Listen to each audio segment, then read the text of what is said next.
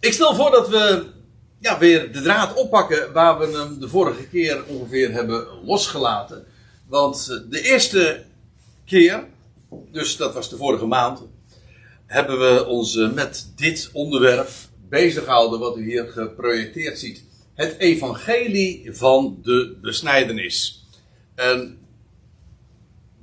zoals je hem hier leest, kun je dat als het gaat om de gangbare vertaling alleen terugvinden in, als ik me niet vergis, in de Statenvertaling, het Evangelie der Besnijdenis. Want in de meeste vertalingen is het helaas wegvertaald, of in ieder geval heel erg verzwakt, alsof het alleen maar om een adressering zou gaan. Het Evangelie voor de besnijdenis. En het Evangelie voor de voorhuid. En dan zou het uh, gaan om, om één evangelie, maar alleen dat aan verschillende adressen, verschillende locaties, verschillende groepen mensen uh, wordt gebracht.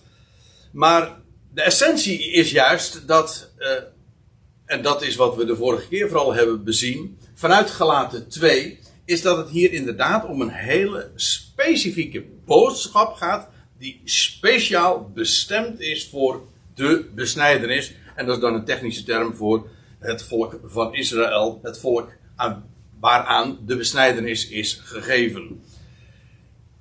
Laat ik nog even teruggrijpen op uh, wat we de vorige keer hebben gelezen. Want het uitgangspunt in deze serie, en ik vermoed dat er nog één uh, studiebijeenkomst uh, aan toegevoegd zal worden.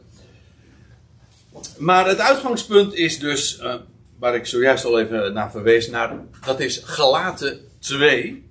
En dan vooral de versen 7 tot 9. Hoewel we de vorige keer al begonnen zijn bij vers 1, waar Paulus dan melding maakt en beschrijft hoe hij ooit naar Jeruzalem optrok. Dat was 14 jaar nadat hij geroepen was, uh, ooit op de weg naar, uh, naar Damascus. En, en dat die bijeenkomst waar hij het in Galaten 2 over heeft, dat is de bijeenkomst die uh, uitgebreid beschreven wordt in Handelingen 15, waar uiteindelijk uh, Jacobus, de broeder van de Heer, uh, de, de knoop doorgehakt heeft, om zo te zeggen. Die was daar ook leidend. En die, diezelfde bijeenkomst die in Handelingen 15 beschreven wordt, wel, daar heeft Paulus het dus in, in Galaten 2 over. En laat ik, laat ik gewoon die, versen 7, 8 en 9 nog even lezen, want die zijn echt, die staan centraal, die vormen de basis van deze studie en ja, voor de aanleiding uh, waarvoor we hem, uh, de aanleiding voor, de, deze, voor dit onderwerp. Oké, en dan ja, het is midden in het betoog, maar dan staat er, maar toen zij, en dan gaat het over de apostelen daar in Jeruzalem, vooral zij die in aanzien waren, Jacobus, Petrus, Johannes, de steunpilaren, zoals we straks ook zullen lezen. Maar toen zij waarnamen dat mij, en dan gaat het dus over Paulus, de schrijver, het evangelie van de voorhuid is toevertrouwd. Nou, ik zei net, de besnijdenis is een, een technische term. Maar de voorhuid natuurlijk ook, maar het is de tegenstelling. Hè? Uh, het gaat of om uh, besneden, of het gaat om onbesneden. Trouwens, als je een MBG-vertaling hebt, dan staat dat er ook, als ik me niet vergis, zo. Het evangelie uh, de, voor de besneden, voor de, voor de onbesnedenen en voor de besnedenen. En in de praktijk komt het daar ook inderdaad op neer. Maar u weet, we, we we kiezen er bij voorkeur altijd voor om zo dicht mogelijk bij het taalgebruik van de schrift zelf te blijven. En in ieder geval, het is niet voor, maar van. Dat is in ieder geval van belang. Uh, aan Paulus was dus het evangelie van de voorhuid, dat wil zeggen de onbesnedenen. Dat wil zeggen, in de praktijk zijn dat de goyim. Het, als de besnijdenis, de, de uitdrukking is voor Israël, het volk dat besneden is, dan is de voorhuid, ja, dat zijn de natieën zij die aan wie niet de besnijdenis is gegeven. En het komt er dus in feite op neer, ik geloof dat ik de uitdrukking de vorige keer ook al zo bezigde, dat aan Paulus een heidens, een gois, zo u wilt, evangelie is toevertrouwd. En dat verklaart dan ook meteen waarom de apostel Paulus heel moeilijk lag daar in Jeruzalem. En daar in uh, die kringen. Vergis je niet, dat waren in die dagen. Dat was heel groot hoor. Waar je leest in handelingen uh, van myriaden van Joden. Die allen ja, Messias beleiden. Dat wil zeggen, ze geloofden in Jezus de Messias. En allen waren zij ijveraars der wet. Je. Dus de Sabbat en de besnijdenissen. Dat werd in hoog. Uh, dat werd zeer in ere gehouden. Ja, en Paulus stond daar anders in. Die had een, had een heidens evangelie. En dat was hem toevertrouwd. En ze konden niet anders dan vaststellen dat dat aan hem, van Gods wegen, was toevertrouwd. Want ja, God had het getuigenis van deze Paulus, namelijk ook rijkelijk bevestigd met tekenen en wonderen. In feite waren die tekenen en wonderen die Paulus deed onder de natie een bevestiging voor Israël dat het evangelie naar de natie was gegaan. Enfin, ze, ze namen dat waar en ze konden dat dus ook niet ontkennen. En Paulus zegt, ah, ze, ze, namen waar dat aan mij het evangelie van de voorraad was toevertrouwd. Zoals aan Petrus, want ja, die was daarin toch leidend, samen met Jacobus en Johannes. Zoals aan Petrus dat van de besnijdenis. Dat wil zeggen, het evangelie van de besnijdenis. Want staat er dan, en dat is even tussen haakjes, hij, het hoofdletter, de Heer, die inwerkt in Petrus tot, tot apostelschap van de besnijdenis, werkt ook in mij voor de natie.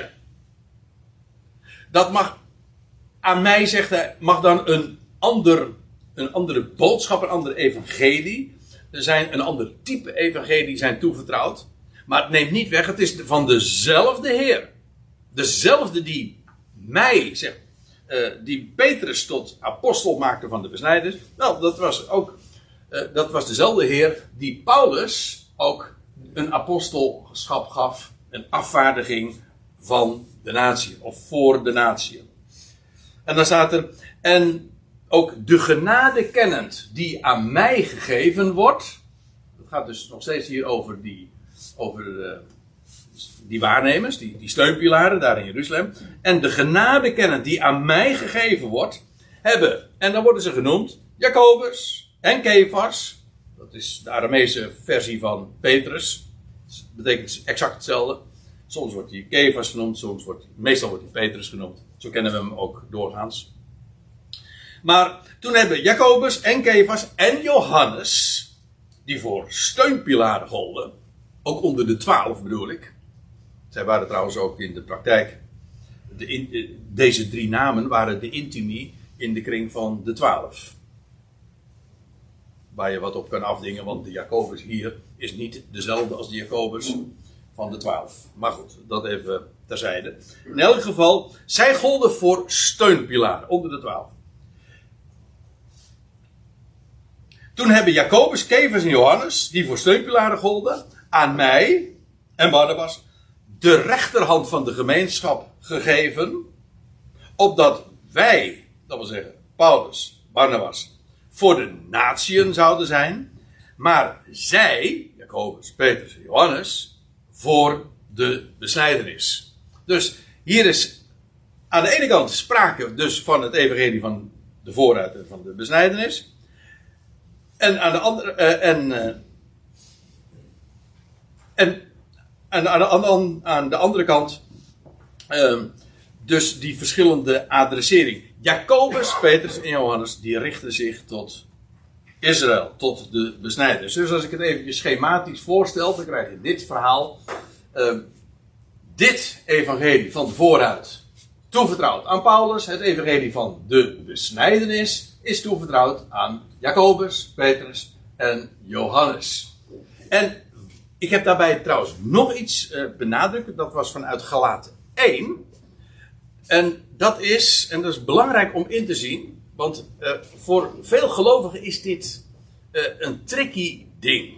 Sowieso als te zeggen van ja, maar Petrus, aan Petrus was een andere evangelie toevertrouwd dan aan Paulus. Dat staat weliswaar in Galaten 2, maar hoe kan dat? Er is toch maar één evangelie.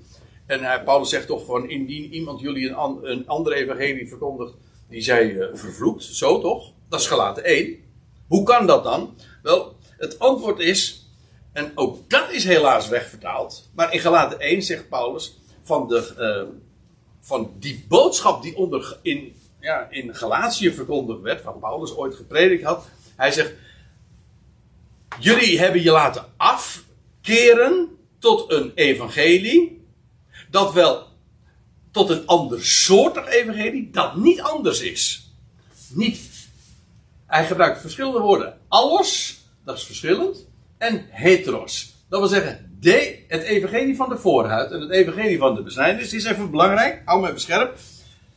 Dit is, het is wel verschillend, maar het is niet andersoortig. Het is van dezelfde Heer. Het heeft ook hetzelfde fundament. In beide boodschappen staat de opgewekte Christus centraal.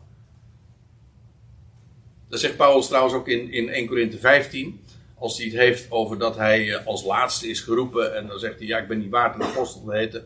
En, maar dan zegt hij van, nou, dan sluit hij dat verhaal dan af. In 1 Korinthe 15 dan zegt hij, nou, ik of zij, en dan heeft hij het over de twaalf. Zo prediken wij en zo zijn jullie gelovig geworden. Met andere woorden, eh, de opgewekte Christus hebben we gepredikt en dat is wat jullie tot een gelovige maken.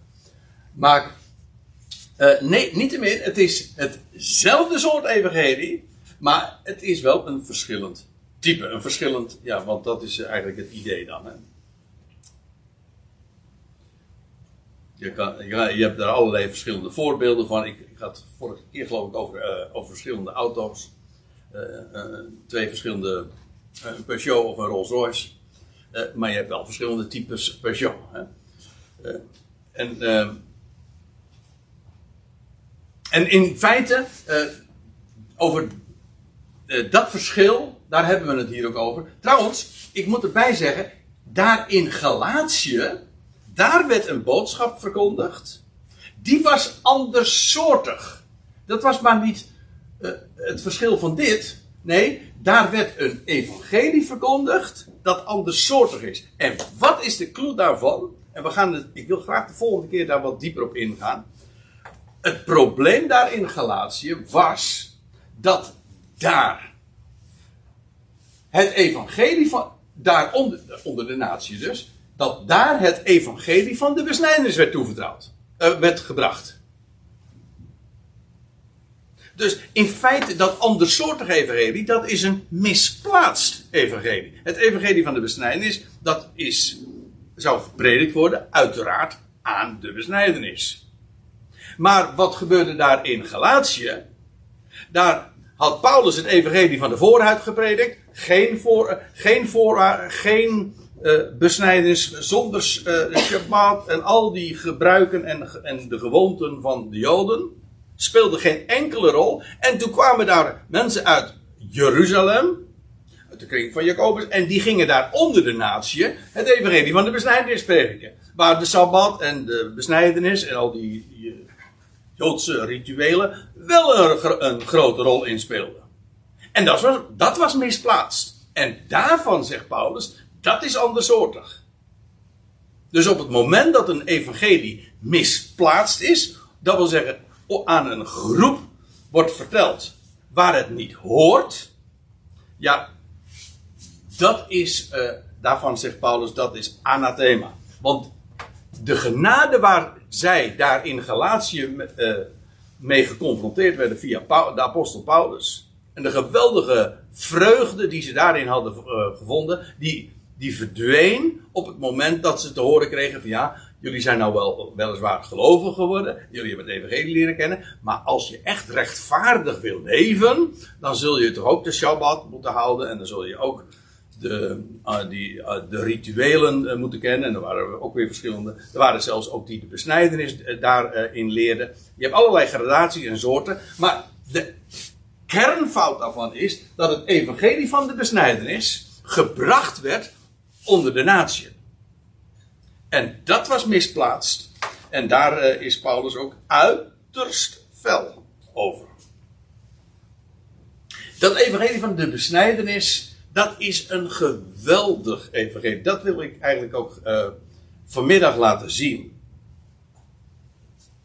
Mits goed toegepast. Oké, laten we nu dus, ons, uh, want dat was ook uh, de, gepland de vorige keer, toen had ik dat al ook, uh, aangegeven. want ja, weliswaar had ik aan de hand van gelaten 2 laten zien dat Jacobus, Petrus en Johannes zich richten tot de besnijder is. Maar dat moet eens wat nader bezien worden. En dan wil ik dat laten zien aan de hand van de brieven van Jacobus, Petrus en Johannes. zij die steunpilaren waren onder de twaalf. Dat zij zich inderdaad richten tot de besnijdenis. Dat wil ik aan de hand van hun brieven ook laten zien. Op voorhand wist je dat al, omdat dat deel uitmaakte van de nou, nogal officiële afspraak. Het was immers eh, Jacobus, Petrus Johannes, die hebben Paulus de rechterhand eh, van de gemeenschap eh, aangereikt, waarmee ook bezegeld is van dit is de afspraak.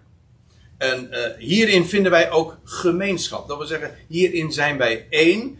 Wij dit en jij dat. Wij, Jacobus, Peter, Johannes, voor de besnijdenis. En Paulus richt zich uh, tot de natieën. Trouwens, zonder onderscheid. Want je zou natuurlijk, ook Paulus heeft zich uh, gesproken tot de Joden. Sterker nog, in, de, in, de, in het boek Handelingen lees je altijd dat hij, voor het, dat hij, als hij ergens kwam, ging hij eerst naar de synagoge. Maar Paulus' bediening was ongelimiteerd. Hij ging naar de natie, dat wil zeggen naar alle naties, ongeacht welke. Ook de Joodsen dus. Niet Paulus' boodschap was gelimiteerd. Paulus richtte zich tot de natie, tot iedereen. Alleen die van Jacobus, Petrus en Johannes, die was wel speciaal, namelijk voor één groep, namelijk de besnijderis. En dat is ook de afspraak, zij zouden daar naartoe gaan. Dus, en de, deze adressering, zij richten zich tot de besnijdenis en ook met het evangelie van de besnijdenis. En ik denk dat dat ook belangrijk is om dat te, te bezien. Het is weliswaar al wat kort aangestipt wat, uh, wat het, de essentie is van dat evangelie van de besnijdenis. Maar ik denk dat we ook helder moeten krijgen waarom dat werkelijk ook een evangelie is. Een blijde tijding. En wat is het kenmerk daarvan? nou, ik stel voor, uh, laten we maar eerst beginnen bij Jacobus. De naam is eigenlijk al veelzeggend. Jacobus is de Griekse vorm van uh, de naam van Jacob. En Jacob is de vader van de twaalf. Toch? En Jacob is in feite ook een aanduiding van het volk van Israël. Soms juist uh, zelfs van het ongelovige Israël. Heel vaak wordt daar ook met die woorden gespeeld. Hè? Het, was, het was eerst Jacob en Jacob toen bij de Jabok. Toen werd zijn naam omgedraaid. Nee, nee, dat zeg ik, dat zeg niet helemaal goed. Uh, bij de, hij werd, daar vond een omkering plaats. En toen werd Jacob Israël. Ja, toen werd Jacob Israël. En toen ging de zon ook over hem op trouwens. Dat is ook prachtig. Maar uh, je ziet bijvoorbeeld in, in, in, in, uh, in het boek Jezaja lees je van... Er, God zond een woord tot Jacob. En het is gevallen in Israël. Op, opvallend is dat verschil. Je kunt zeggen van ja, het is gewoon een, eh, parallelisme, twee keer uh, de, dezelfde regel, alleen ander woordgebruik. Er zit meer in. God zond een woord tot Jacob, maar als het valt, als het kwartje valt, als het in dit geval het woord valt, en het komt terecht, het vindt zijn plaats, het vindt plek, wel, dan wordt Jacob Israël. Oké, okay. Jacobus. De schrijver. Hij zegt slaaf van God en trouwens ook van de Heer Jezus Christus. Opmerkelijk als je er eigenlijk even bij stilstaat en, en bedenkt dat uh, Jezus Christus zijn oudere broer was. Zijn oudere halfbroer, zo u wilt. Maar, dat is, maar dit is de verhouding. Jacobus is zich heel zeer, maar al te zeer ervan bewust wie zijn oudere broer was. Trouwens, wist u dat uh, ja, de, de broers van de heer Jezus, hij had vijf broers en twee, twee zussen. En dat zij, uh, in die broers in elk geval, eh, in aanvang tijdens de bediening nog van de Heer Jezus hier op aarde, niets van hem wilden weten. En daar hoort Jacobus dus ook bij. Dus Jacobus is pas later tot erkenning gekomen van, van, ja, van zijn halfbroer. Dat kan niet anders. Want in aanvang was ook Jacobus, uh, geloofde niet in hem. We weten trouwens ook van deze Jacobus, de Heer is aan, uh, als opgewekte apart ook verschenen aan Jacobus. Dat lees je in 1 Corinthië 15. Oké. De broer van de Heer. En, uh, en later is hij, en ik geloof dat we de vorige keer daar al wat, wat dingen over gezegd hebben. Jacobus is daar in Jeruzalem. in feite ook de Leiden. Hij speelt een leidende rol al daar. Jeruzalem, de hoofdstad. Eigenlijk ook de plek waar de troon gevestigd zou worden. Maar nu Jezus, de koning, afwezig is, ja, neemt naar de maatstaven van het vlees zijn oudste broer uh, de honneurs waar, om zo te zeggen.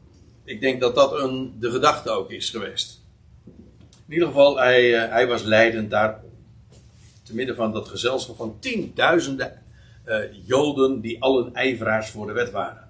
Oké, deze Jacobus dus. Um, hij richt, nou dit, nou komt het. Want nou heeft hij zichzelf voorgesteld. En hij schrijft een brief. En aan wie schrijft hij die brief? Ja, men zegt Jacobus, dus de eerste van de katholieke brieven. De algemene brieven die niet een speciale adressering hebben. Ja, dat kun je wel vergeten. Die heeft een hele specifieke adressering. Jacobus, Petrus en Johannes, die richten zich tot de besnijdenis. En de eerste beste brief die je in die volgorde, namelijk Jacobus, ook in de Bijbel aantreft, het is niet voor niks dat we ze in die volgorde ook aantreffen. Dat is gewoon gebaseerd op de afspraken in Galaten 2. Maar goed, Jacobus, die schrijft een brief. En aan wie schrijft hij die brief? Precies wat je had mogen verwachten, niet alleen uit zijn naam. Dat is alleen maar uh. Nee, op basis ook van die afspraak. Op basis trouwens ook van zijn positie die hij had in Jeruzalem. Hij schrijft een brief aan de twaalf stammen weliswaar niet in het land, maar die in de diaspora zijn. In de verstrooiing. Dus uh, weliswaar wereldwijd, die brief heeft niet, is geografisch niet beperkt. Dat is waar. Het is niet alleen maar beperkt tot de mensen in het land. Nee, het is gericht aan, uh, aan de verstrooiing. Dat wil zeggen, overal waar, waar de twaalf stammen zich ook mogen bevinden. Maar wel, die zijn verstrooid dat betekent diaspora, betekent, spora betekent ook inderdaad strooien. En dia betekent er doorheen strooien. Dus te midden van de natie zijn zij overal doorheen gestrooid. Dat is eigenlijk wat diaspora betekent. En eh, wereldwijd. En, maar aan één volk. Trouwens, is heel opmerkelijk. Uh, ook dat is weer uh, in veel vertalingen wegvertaald. Als je een vertaling hebt, een Telosvertaling, dan zie je het wel uh, ingelaten in Jacobus 2 terug. Daar staat meteen dan een voorval, dan zegt Jacob, Jacobus schrijft dan van, stel er komt iemand in uw synagoge binnen. Er staat er echt, staat gewoon synagoge. Het woordje synagoge komt een stuk of honderd keer voor in het Nieuwe Testament. En altijd wordt het vertaald in de MBG-vertaling met synagoge. Eén, met één uitzondering, en dat is in Jacobus 2. Dan vertaalt men vergadering. Een synagoge is ook een vergadering, dat klopt wel. Maar waarom vertaalt men het altijd met synagoge? En in Jacobus 2 vertaalt men het met vergadering. Dat komt omdat men niet gelooft dat Jacobus zich richt tot de besnijdenis.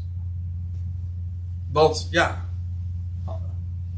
de, de leer is toch dat, dat de katholieke brieven zijn en uh, een speciale plaats voor Israël. Dat uh, kerkhistorisch uh, ligt dat ook niet zo aangenaam. Om niet te zeggen dat het gewoon vanaf aanvang dat. de, of, laat ik nog anders zeggen, het is nog sterker hè dat waar de, waar de kerkgeschiedenis echt officiële vormen aankreeg, uh, kreeg En de concilies werden gehouden, zelfs onder leiding notabene van, van, van, van keizers. Toen was men zo, niet alleen anti-judaïstisch, antisemitisch, maar in ieder geval, eh, men zag zichzelf in plaats van Israël gekomen. Die leer van de kerk is in de plaats van Israël gekomen, met alle varianten van dien, of met alle toepassingen van dien. In plaats van de Sabbat is de zondag gekomen, in plaats van de besnijdenis is de doop gekomen. Alles heeft men uh, overgenomen. In feite, het is misplaatst. Hè? Men heeft dus dat wat voor de besnijdenis is bestemd, heeft men op zichzelf toegepast. De kerk is in de plaats van Israël gekomen. En voor, Is, ja, voor Israël was dus geen plek meer.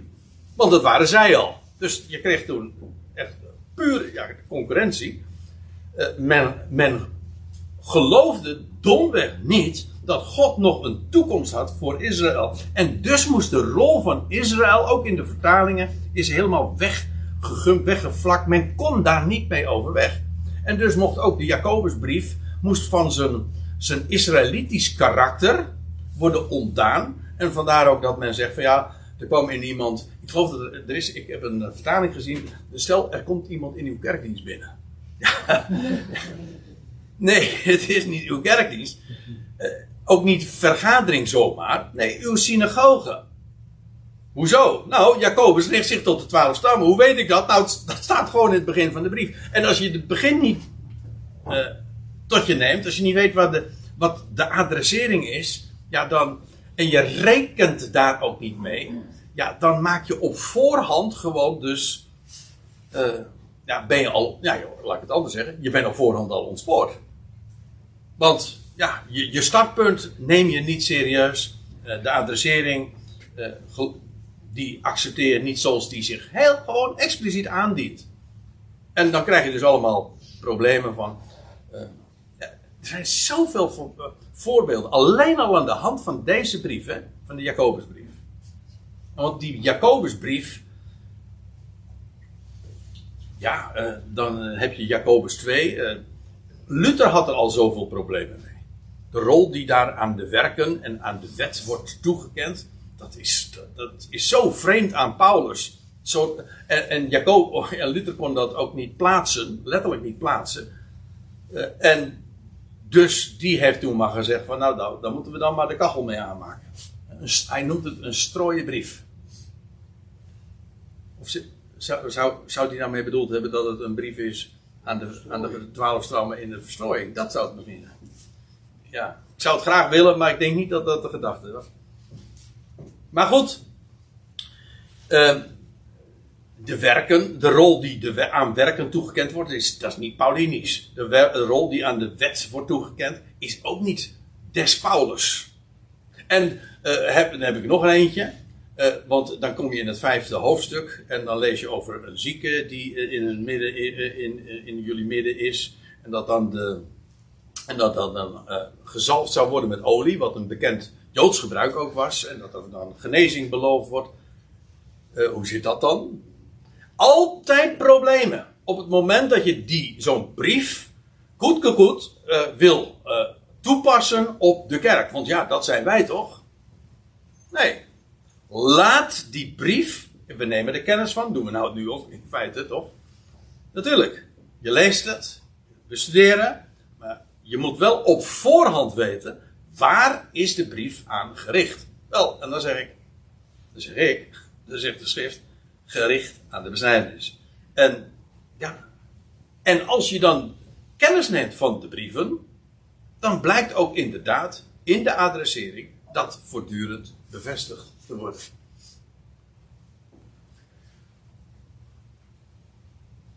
Oké, naar Petrus. Dit was Jacobus 1. Uh, dan gaan we naar Petrus. En ook weer hoofdstuk 1. Dat is nogal mooi met de, de brieven zoals we die in het Nieuwe Testament vinden. Naar oud gebruik dat men begint meteen met de schrijver en met de adressering. Oké, Petrus, apostel of afgevaardigde van Jezus Christus, aan uitverkoren emigranten in de diaspora van Pontus, Galatië, Cappadocië, Azië en Bithynië. Dat is allemaal in, de, ja, in het huidige Turkije. In uh, de diverse landstreken daarvan. Azië, dat is dus een, uh, is de westkant van, uh, van Turkije. Tegenwoordig is het een heel werelddeel. Heel, grappig hoe dat gegaan is. Maar in ieder geval, aan wie. Maar ook hier Petrus, en hier is het in feite niet anders dan in wat we lazen in, uh, in verband met Jacobus. Die richt zich ook tot hen in de diaspora, maar heel breed. Niet eens een, speciale gebieden, gewoon de twaalf stammen in het algemeen. En Petrus doet het specifieker. Hij richt zich tot uh, de uitverkoren emigranten in de diaspora van Pontus, Galatië, Cappadocië, Azië en Bithynië. Ja, hier staat trouwens, ik heb deze vertaling, uh, emigranten, kwam tegen. Eigenlijk staat uh, buitenlanders. Par epidemos. Dat, is, dat zijn buitenlanders, vreemdelingen. Veel vertalingen geven ook weer vreemdelingen, maar dat is wat een buitenlander is.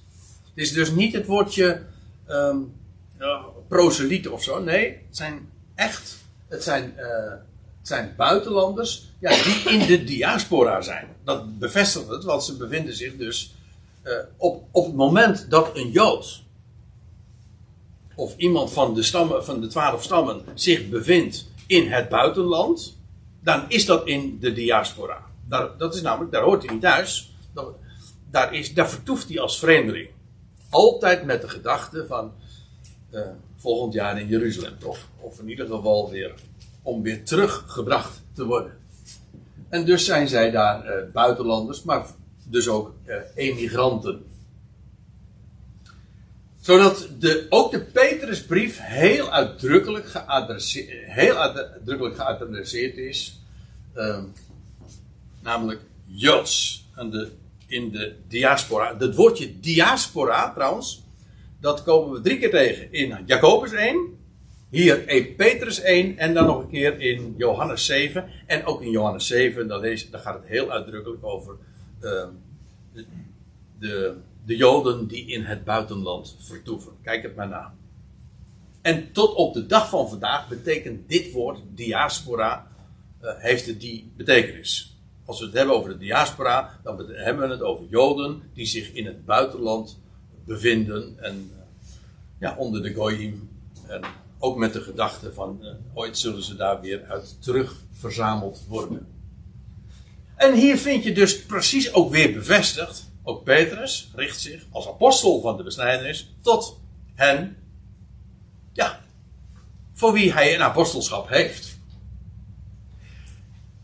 En dan komen we. Ik, ik blader nu even door. En dit was 1 Petrus 1, gewoon de adressering. En als we dan een hoofdstuk doorlezen, dan kom je in hoofdstuk 2 uit dus in vers 9, daar staat er, en dat is mooi, wat Petrus dan zegt over zijn lezers. Degene tot wie hij zich richt. En dan zegt hij dit. Maar jullie zijn een uitverkoren geslacht. Ja, hier staat in dit woord. Ganos. Waarbij het woordje gene, uh, genen, uh, genetica aan herkennen. Dat is een, een soort, een familie, een, een ras. Een uitverkoren ras. Dat wil zeggen, niet uitverkiezing wil zeggen dat te midden van een groep er uitgekozen worden. Uitverkiezing. De een wel, de ander niet. Weet, sommige mensen krijgen daar, zeker in de reformatorische wereld, de rillingen van over de rug alsof met de gedachte van, ja, sommige mensen zijn uitverkoren voor het heil. En de, de rest is, uh, die is dus niet uitverkoren. En die zijn per definitie dus bestemd voor, ja, om verdoemd te worden. Of welke mooie termen daar nog meer voor gebruikt worden. Maar dat is nooit wat uitverkiezing in de Bijbel is. Uitverkiezing heeft altijd te maken met God kiest uit. Het mooiste voorbeeld vind ik altijd nog Abraham. Hij koos Abraham uit. Niet omdat de wereld of alle, of alle stammen van de aarde hem niet interesseerden. Maar hij koos Abraham uit om via hem en zijn zaad alle geslachten van de aardbodem te zegenen. Dus hij kiest een zegenkanaal uit. Hij kiest een, of hij kiest een, een koning uit, of hij kiest een, een stam uit, om bijvoorbeeld de stam van Levi, om uh, te midden van de twaalf stammen dan weer die rol uh, te geven, namelijk een priesterlijke stam te zijn. En zo is uitverkiezing altijd. Uitverkiezing, God kiest uit en dat is exclusief. Exclusief betekent uitsluitend. Dat wil zeggen, uh, het, uh, de een wordt uitgekozen, de ander dus niet. Maar het is, ja, het, het is exclusief, maar het is juist om de rest te bereiken en tot zegen te zijn. Het, is, altijd, het heeft altijd te maken met een, om een zegenkanaal te vormen. En dat is wat wij weten van dat ras wat God heeft uitgekozen. Is de Ecclesia, het lichaam van Christus in onze dagen, is dat een geslacht? In de zin van dat we genetisch allemaal verwant zijn? Nee, niet. Uit alle. Het is een, een samenraapsel. Eh, uit, uit, alle, uit alle volkeren. Maar juist niet genetisch. Ja, oké, je kan zeggen van we zijn, we zijn allemaal uit de, van hetzelfde hout gesneden. Maar we zijn allemaal uit, uit, van Adamitische oorsprong. Maar dat is, dat is heel wat anders. Een uitverkoren geslacht wil zeggen, te midden van alle geslachten is één geslacht uitverkoren. Nou, dat is niet de Ecclesia. Die, dat, dat heeft niets te maken met een bepaalde uh, genetische uh, kenmerk. We zijn geen familie of zo. In de biologische, genetische zin van het woord. Een totaal ander verhaal. Daarin speelt afkomst geen enkele rol. Dat kun je dus uh, nooit met elkaar verwarren. Maar hier zegt Petrus: jullie zijn een uitverkoren geslacht. En dan nog meer: uitverkoren geslacht. Een koninklijk priesterdom. Een heilige natie. Een verworven volk. Alsjeblieft. Het zijn allemaal uh, kenmerken van dat uitverkoren. Het is een geslacht. En dat uitverkoren geslacht is een koninklijk. Dus kennelijk bestemd voor de heerschappij. En het is ook een priesterdom, een priesterschap. Zowel een koninklijke taak en een priesterlijke taak. En het is ook, te midden van de natie, een heilige natie. Apart gezet. Eén aparte natie, één apart geslacht, uitverkoren, koninklijk, priesterlijk. En een volk. Laos, ja, dat woord. Een volk uh, dat, uh, dat de Heer zich verworven heeft. Gekocht ook. Nou, dat laat ik nu even uh, rusten. Maar in ieder geval een heel speciaal volk. Enkelvoud. Heilige natie. ja, over welk volk hebben we het dan? Hebben we het dan over het uh, het volk waar, waar, Paulus over spreekt, namelijk de Ecclesia, het lichaam van Christus, dat bestemd is voor de hemel. Nee, want dat is, dat is helemaal geen geslacht. En trouwens, dat koninklijke priesterdom, de heilige natie, een verworven volk, dat zijn kwalificaties die, dat, die slechts toekomen aan één volk. En ik zal het u ook laten zien. Want deze aanduidingen zijn bijna stuk voor stuk direct ontleend aan de woorden die we ooit, die ooit klonken bij de voet van de berg Sinaï. Vlak voordat, uh, of vlak nadat Israël uh, getrokken was uit Egypte. En dan komen ze daar bij de Sinaï aan. En dan lees je in Exodus 19. Uh, dan de Heer zegt bij monden van Mozes. En nu, Indien jullie, jullie, het volk, dat de twaalf stammen, daar aan de voet van de Sinai, indien jullie naar mij luisteren en mijn verbond bewaart, dan, mijn verbond met Abraham, onvoorwaardelijk, dan zullen jullie mij speciaal ten eigendom zijn uit alle volkeren. Hier wordt heel specifiek het volk van Jacob, de twaalf stammen, aangesproken. En van hen wordt gezegd: Jullie zullen mij speciaal ten eigendom zijn uit alle volkeren. Dus wat is dat uitverkoren geslacht? Ja, dat is dat volk wat ooit daar bij de berg Sinai stond. Nou ja, bestaat inmiddels uit andere individuen, maar het is nog steeds hetzelfde volk. Speciaal ten eigendom van hem. Want ja, er staat erbij, de hele aarde behoort mij. Met andere woorden, ook hier zie je weer de gedachte in.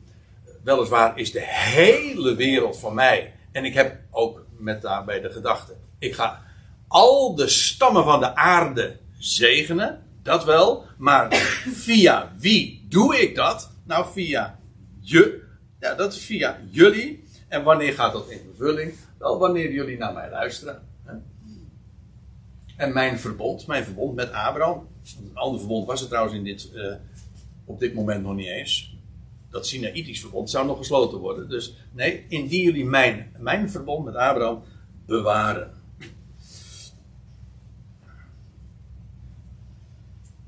Eén volk, één heilige natie.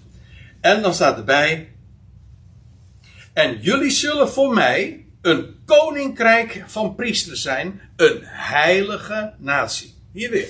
En jullie zullen voor mij een koninkrijk van priesters zijn. Nou, dat is herinnerd direct natuurlijk aan wat we zojuist lazen uit, uh, aan wat Petrus schreef. Een koninklijk priesterdom. Wordt dat zomaar aan een willekeur, van een willekeurig volk gezegd? Nee, dat wordt aan tegen één volk gezegd. Zij zijn een koninkrijk van priesters en ook inderdaad een heilige natie. Maar dat is, nou moet ik even teruggaan. Ja, dat was precies wat uh, Petrus ook zei, hè? Ziet u? Een koninklijk priesterdom, een heilige natie. En nou zijn we hier.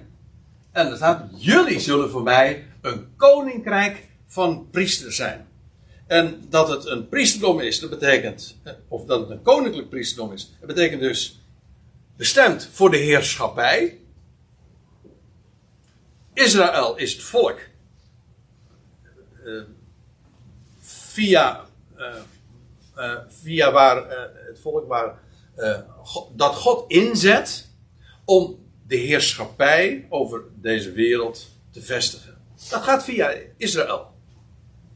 En via Jer Jeruzalem, de stad van de grote koning. En dat is de hoofdstad. En uiteindelijk het koninkrijk van God straks op aarde dat is een Israëlitisch wereldrijk. Koninklijk is het dus met recht, leidend onder de natie en uh, ook priesterlijk. En dat betekent dat het uh, bemiddelend is tussen God en ja, de, de volkeren. En dat is wat priesterlijk ook inhoudt. En dat is eigenlijk, uh, dat werkt naar twee kanten. Want de priesters of het priesterdom, dat, of het, priesterschap, via, uh, via de priesters spreekt God tot zijn volk. De priesters waren ook de bewaarders van de woorden Gods. En omgekeerd, via het, de het priesterschap komen, uh, komt men ook tot God. En zo zal het straks ook onder de natieën gaan. Zij zullen via, zij zullen optrekken naar Jeruzalem, naar de stad van de grote koning. En allemaal via uh, dit volk en uh, via het land en de stad die God aan dit volk heeft gegeven. Dus echt koninklijk en priesterlijk. Dat zijn hele concrete termen aan een heel concrete groep van, van mensen. Dat wil zeggen aan een natie, aan een uitverkoren geslacht. En als je het nog niet zou willen geloven, dan kijken we nog, lezen we nog even verder. Want dan staat erbij. En dit zijn de woorden die je zult spreken tot de zonen van Israël. Oftewel, tot de twaalf stammen. Het gaat dus inderdaad over heel specifiek uitverkoren geslacht. Voor hen is dat bestemd. En Petrus die schrijft een brief en hij zegt: Jullie. Oké, ze waren nog maar een selectie daaruit. Maar voor dit volk is dit weggelegd. De twaalf stammen. Ja, uh, nog eventjes. Ik lees nog even één keer de zin, want de, de zin gaat nog door. Maar je, uh, dat Petrus dus zegt, maar jullie zijn een uitverkoren geslacht, een koninklijk priesterdom, een heilige natie, een verworven volk. En nou komt het, of, of ja, nu weten we in ieder geval over wie het gaat en waartoe ze bestemd zijn. En dan vervolgens, uh, wat is de bedoeling daarvan? Om de deugden uit te dragen van Hem die jullie uit de duisternis roept tot in zijn wonderbaarlijk licht. En ik weet het, ik weet het. Er is zoveel, ook in deze woorden, waarvan je zou kunnen zeggen, ja, maar geldt dat ook voor ons niet? Ja, natuurlijk. Want uh, laten we wel wezen, er is heel veel overlap. Heel veel dingen die aan Israël gegeven zijn, ja, dat geldt ook voor de gemeente, de Ecclesia, het lichaam van Christus. Die zijn namelijk, die kunnen universeel van aard zijn. Paulus spreekt er ook over dat we uit de duisternis geroepen zijn. Hoe staat het er in, in Colosse 1? Uh, tot in zijn licht. Ja. Dat is, dat is het probleem niet. Punt is niet dat er geen overlap zou zijn en dat we heel veel gemeenschappelijke zegeningen ook hebben met hen. Maar hier wordt speciaal gezegd van dat uitverkoren geslacht, dat koninklijke priesterdom, dat zij uh, geroepen zijn om de deugden uit te dragen van hem die jullie uit de duisternis roept. En ja, dit, dit is het evangelie van de besnijdenis. Kun je je voorstellen dat als Jacobus en Petrus en Johannes als de steunpilaren van de twaalf een boodschap krijgen toevertrouwd. Allemaal, dit was nog voordat Paulus in de, in, in de picture kwam. Ik bedoel, de Heer had, uh, was opgewekt uit de doden. Je sprak er zojuist uh, over. Hij werd opgewekt uit de doden. Hij verliet vanaf de olijfberg het, uh, het toneel. En vervolgens gingen, zij zouden zijn getuigen zijn. En wat hebben zij uitgedragen? Nou, de boodschap aan het volk.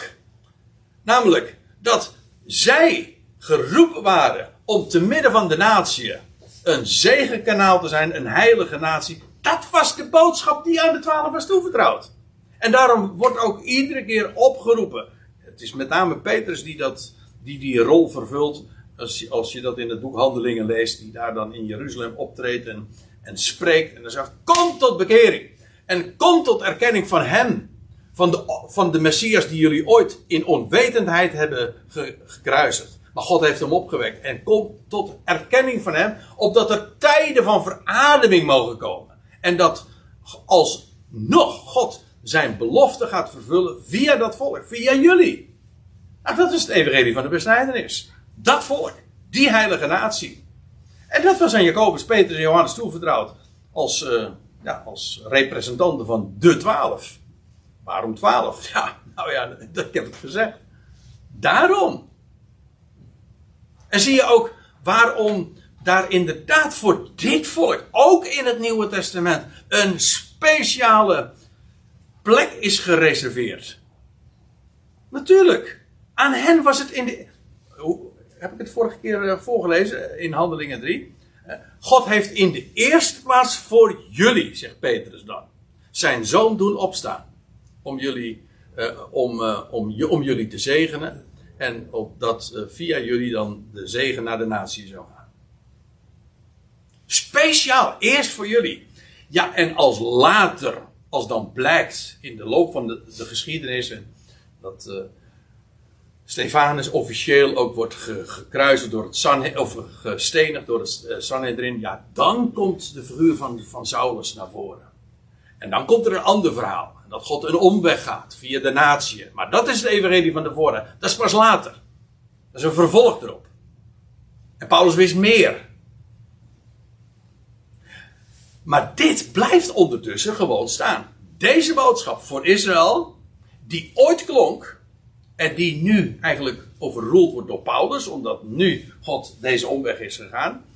En ik weet trouwens dat Petrus daar heel veel moeite mee gehad heeft in de loop van zijn leven en pas aan einde van zijn leven erkent van ja, als je, als je nou echt wil weten hoe het zit, dan moet je bij Paulus wezen. Want, want ja, die schrijft over, over het uitblijven van de, van de wederkomst uh, veel meer.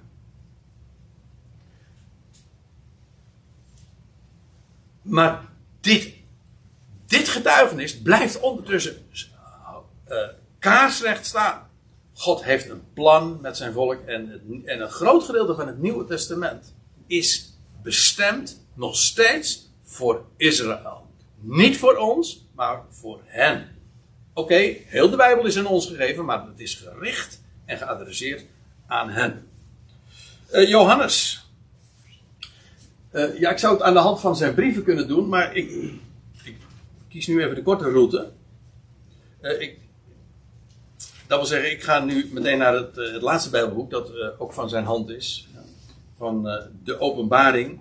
En dan lees je in vers 5. Ik, ik lees eerst eventjes ja, deze woorden. kun je eigenlijk niet overslaan. Dat dan gesproken wordt, heel officieel wordt ingeleid van Jezus Christus, de getrouwe getuige, de eerstgeborene van de doden, de overste van de koningen van de aarde. Aan hem die ons lief heeft en ons verlost uit onze zonde in zijn bloed. En, nou komt het, hij maakt ons een koninkrijk van priesters voor zijn God en Vader.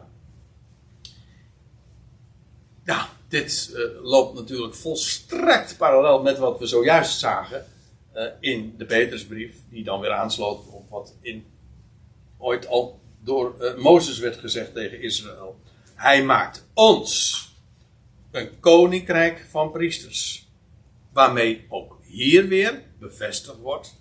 Johannes richt zich dus ook tot de besnijdenis. Trouwens, ja, daar gaat het hele boek de openbaring over pas alleen inclusief uh, komt de, de Ecclesia, het lichaam van Christus, daarin naar voren, omdat wij ja, begrepen zijn in de Christus. Als zijn lichaam. Zo. Maar uh, Johannes richt zich inderdaad tot de besnijdenis. En uh, het is via het volk van Israël dat Gods koninkrijk op aarde wordt, wordt geopenbaard en gevestigd. Ja, en er staat er nog bij. Ehm, voor zijn God en Vader. Hem zij de heerlijkheid en de kracht tot in de ionen van de ionen. Dat zijn die wereldtijdperken die nog gaan komen. En waarin dat koninkrijk steeds groter en heerlijker en rijker wordt. Maar allemaal via Israël. Er staat nog bij, die moet ik er ook nog even bij betrekken. Let op! Zie! Of neem waar. Hij komt met de wolken, de nevelen. En elk oog zal hem zien. Ook die hem doorstaken. Weer Israël. Dus elk oog, ja. En ook, en zelfs speciaal worden ze genoemd, die hem doorstaken. En alles, en er staat er nog bij, en alle stammen van het land zullen heftig treuren over hem. Ja, amen. En dit wordt natuurlijk uh, ja, op diverse plaatsen bevestigd dat als hij straks inderdaad uh, in de openbaarheid zal komen uit de nevelen, hij komt met de wolken uit de wolken, en dan zal hij verschijnen en alle stammen van het land zullen zien. Probeer het me wel eens voor te stellen hoe dat, hoe dat zal zijn. Lukt me nog niet zo erg. Maar ik, één ding uh, voel je wel op je klompen aan dit is zo groot. En als, als hij dan de Messias eindelijk weer zal laten zien.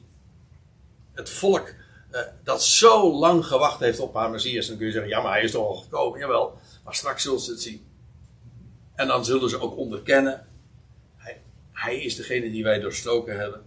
En alle stammen van het land, de twaalf dus, zullen heftig treuren over hem. Ja, amen. En weet u waar dit trouwens naar verwijst? Ja, in Matthäus 24 vind je woorden van gelijke strekking. Maar het, uh, het herinnert aan wat de profeet Zacharia ooit zei. Vind ik trouwens mooi als ik het zo zeg. Het herinnert aan Zacharia, want Zacharia betekent Jaweh herinnert. Zacharia. Ja. Maar goed, uh, in Zacharia 12, dan lees je dit.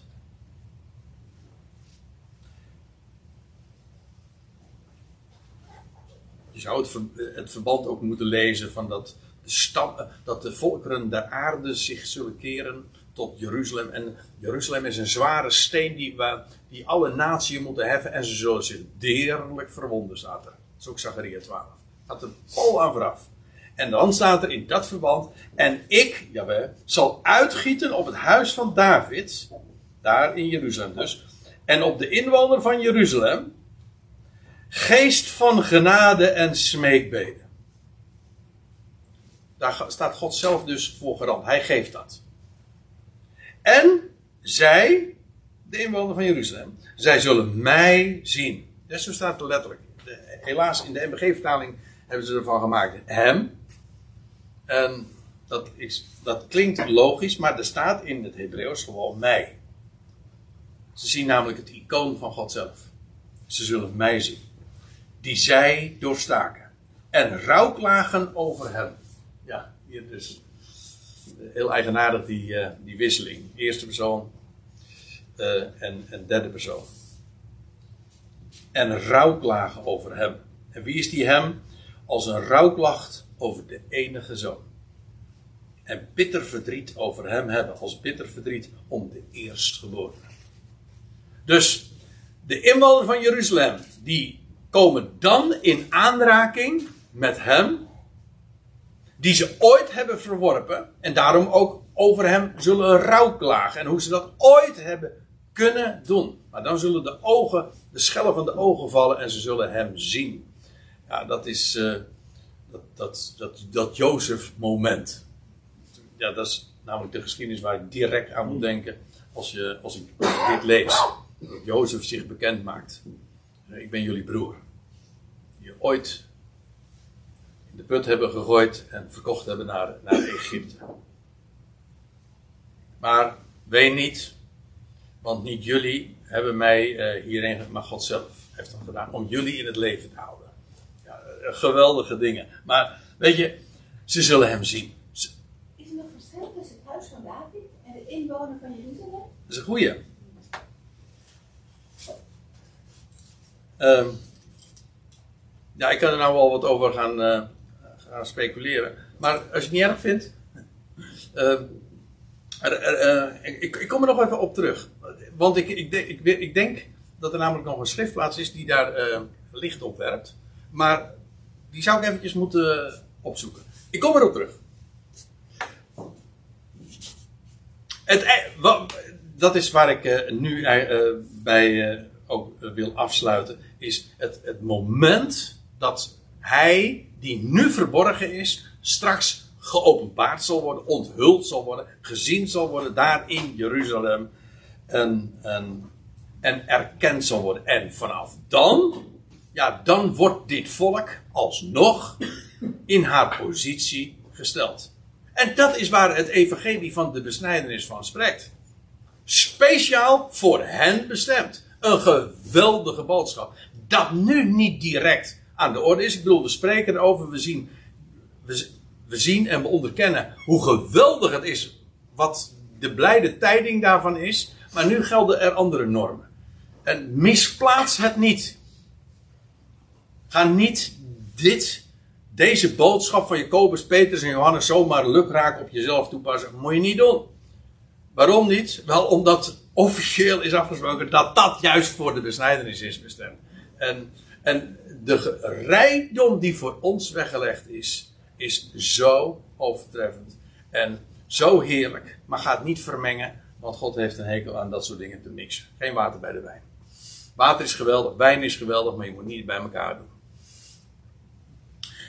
Goed, nou, eh, de volgende keer, eh, dat wordt dan de laatste keer, eh, gaan we daar nog wat op weer door over dat evangelie van de besnijdenis. Want ik denk dat het toch uh, beslist nog in ieder geval één bijeenkomst verdient om, uh, om daar nog uh, wat meer puntjes op de i voor te zetten.